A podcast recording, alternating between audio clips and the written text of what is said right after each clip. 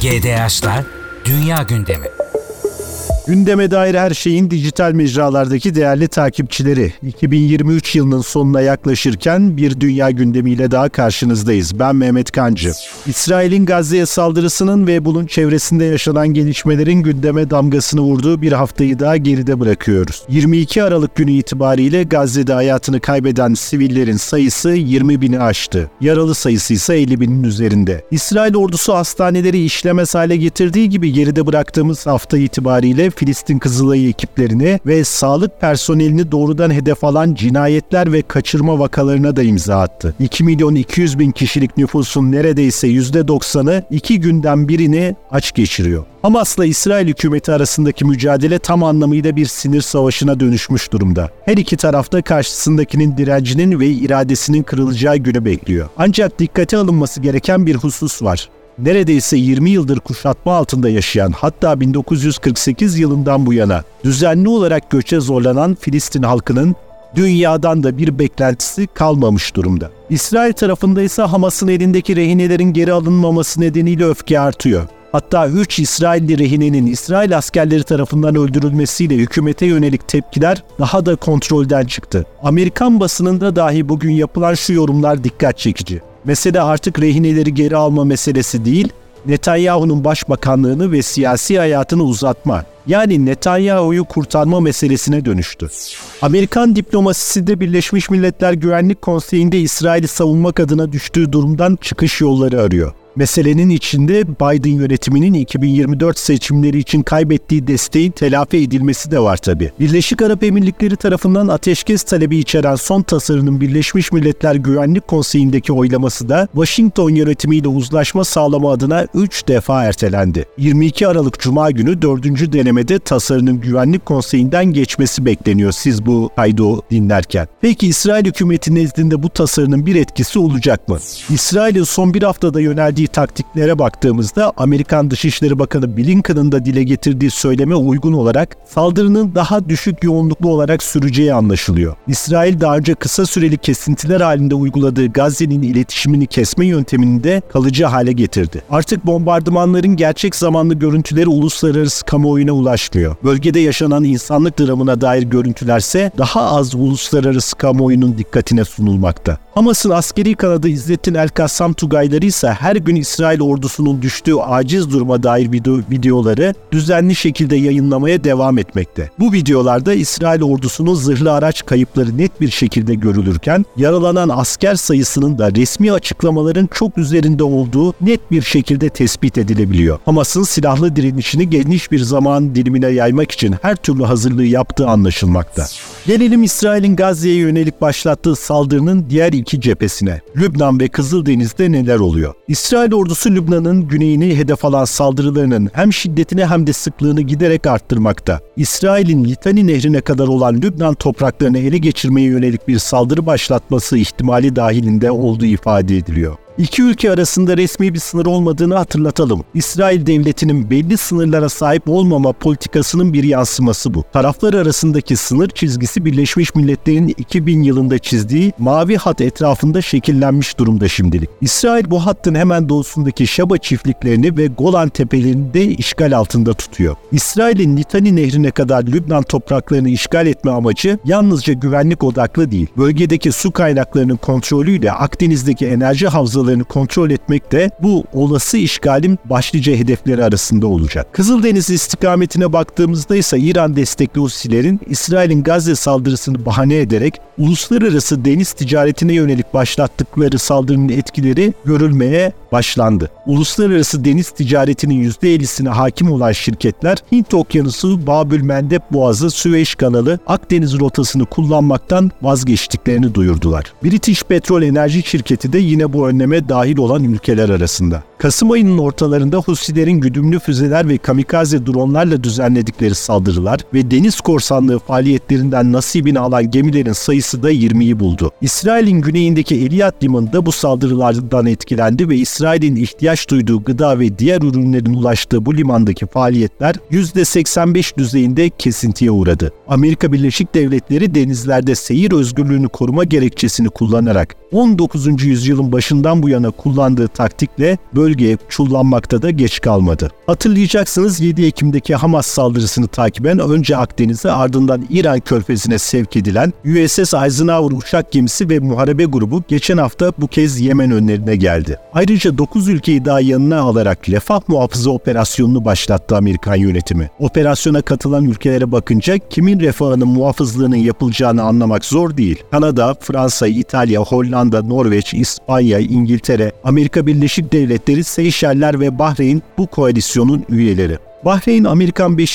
filosuna ev sahipliği yapması hasebiyle bu koalisyonda doğal olarak mecburen hatta yer alıyor. Seyşel Adaları da Doğu Afrika kıyılarındaki coğrafi konumu itibariyle bir lojistik üs vazifesi görecek. Bu koalisyona hiçbir Körfez Arap ülkesinin katılmaması dikkat çekici. Yunanistan ise koalisyonun kurulmasının ardından bu güce, bu güce destek olarak savaş gemisi göndereceğini duyurdu. Türkiye ise milli menfaatlerini dikkate aldıktan sonra bu konuda karar verme eğiliminde. 2021 yılında bir konteyner gemisinin Süveyş kanalında 6 gün süreyle karaya oturarak bu bölgedeki uluslararası deniz trafiğini durdurması tedarik zincirinde uzun süre telafi edilmeyecek zararlara yol açmıştı. Husilerin saldırılarının artması halinde 2021'deki krizin ötesinde sonuçlar doğabilir. Evet Gazze ile doğrudan ve dolaylı bağlantılı konulara burada bir ara verip gündemin diğer başlıklarına da bakalım.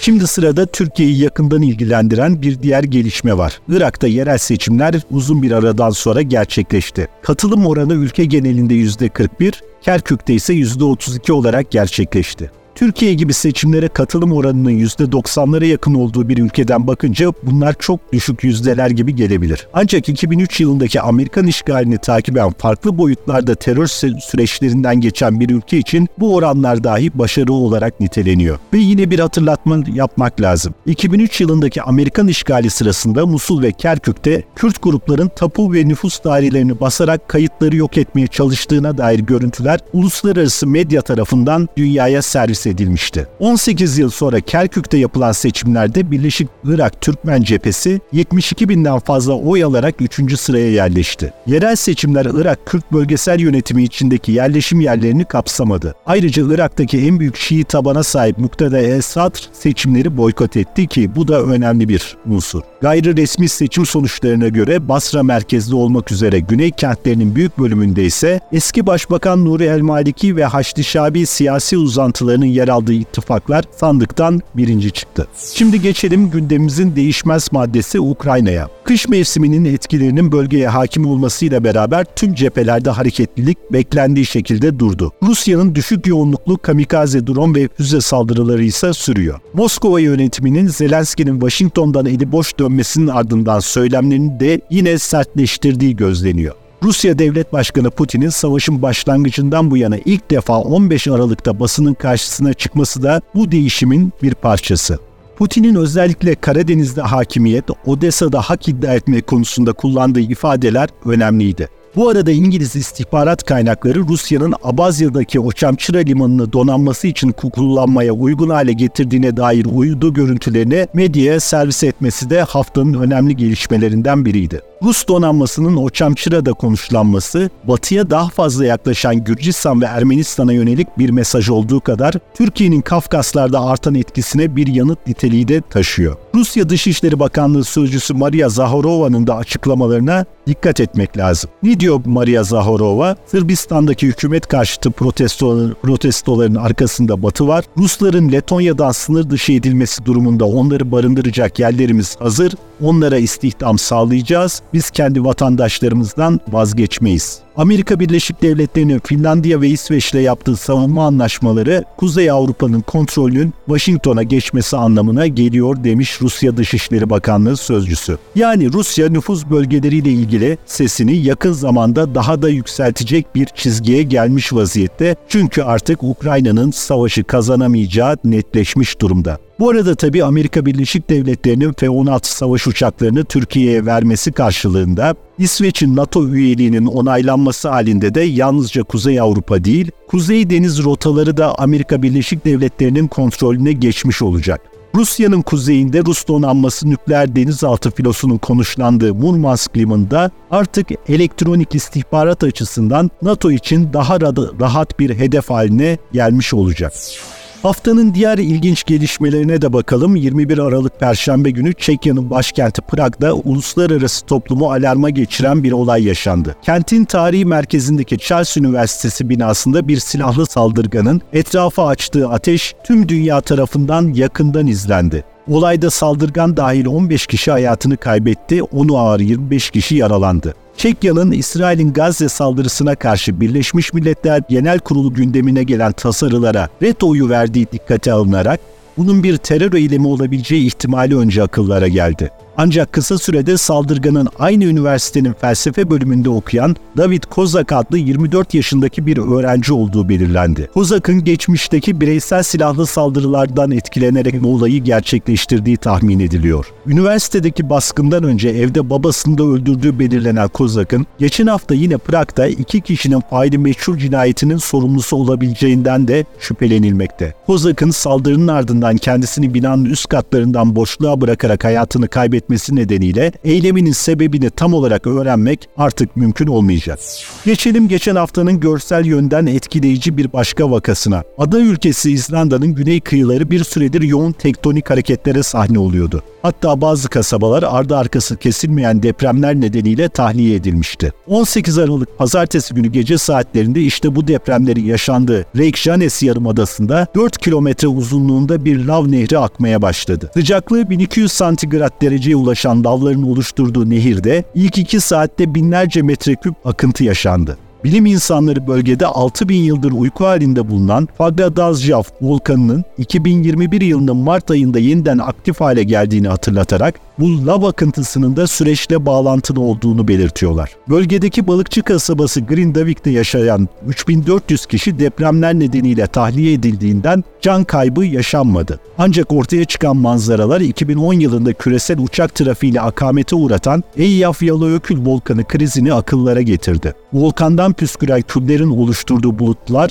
atmosferin üst kademelerine ulaşmış ve 100 bin uçuşun yapılmasını engellemişti. Tüm dünyada milyonlarca kişi havaalanlarında mahsur kalmıştı. İzlanda'daki bu volkanik hareketlenmenin hemen akabinde ise Çin Halk Cumhuriyeti'nin Moğolistan sınırına yakın Gansu bölgesinde pazartesi salı gününe bağlayan gece yarısı 6,2 büyüklüğünde bir deprem meydana geldi. Deprem Gansu'da 113, komşu bölge Çinkai'de 22 kişinin ölümüne yol açtı. Bölgede hava sıcaklıklarının sıfırın altında 10 derecelerde seyretmesi can kayıplarının artmasında etkili oldu. 207 bin konutun hasar gördüğü depremden doğrudan etkilenenlerin sayısının 145 bini bulduğu ifade ediliyor.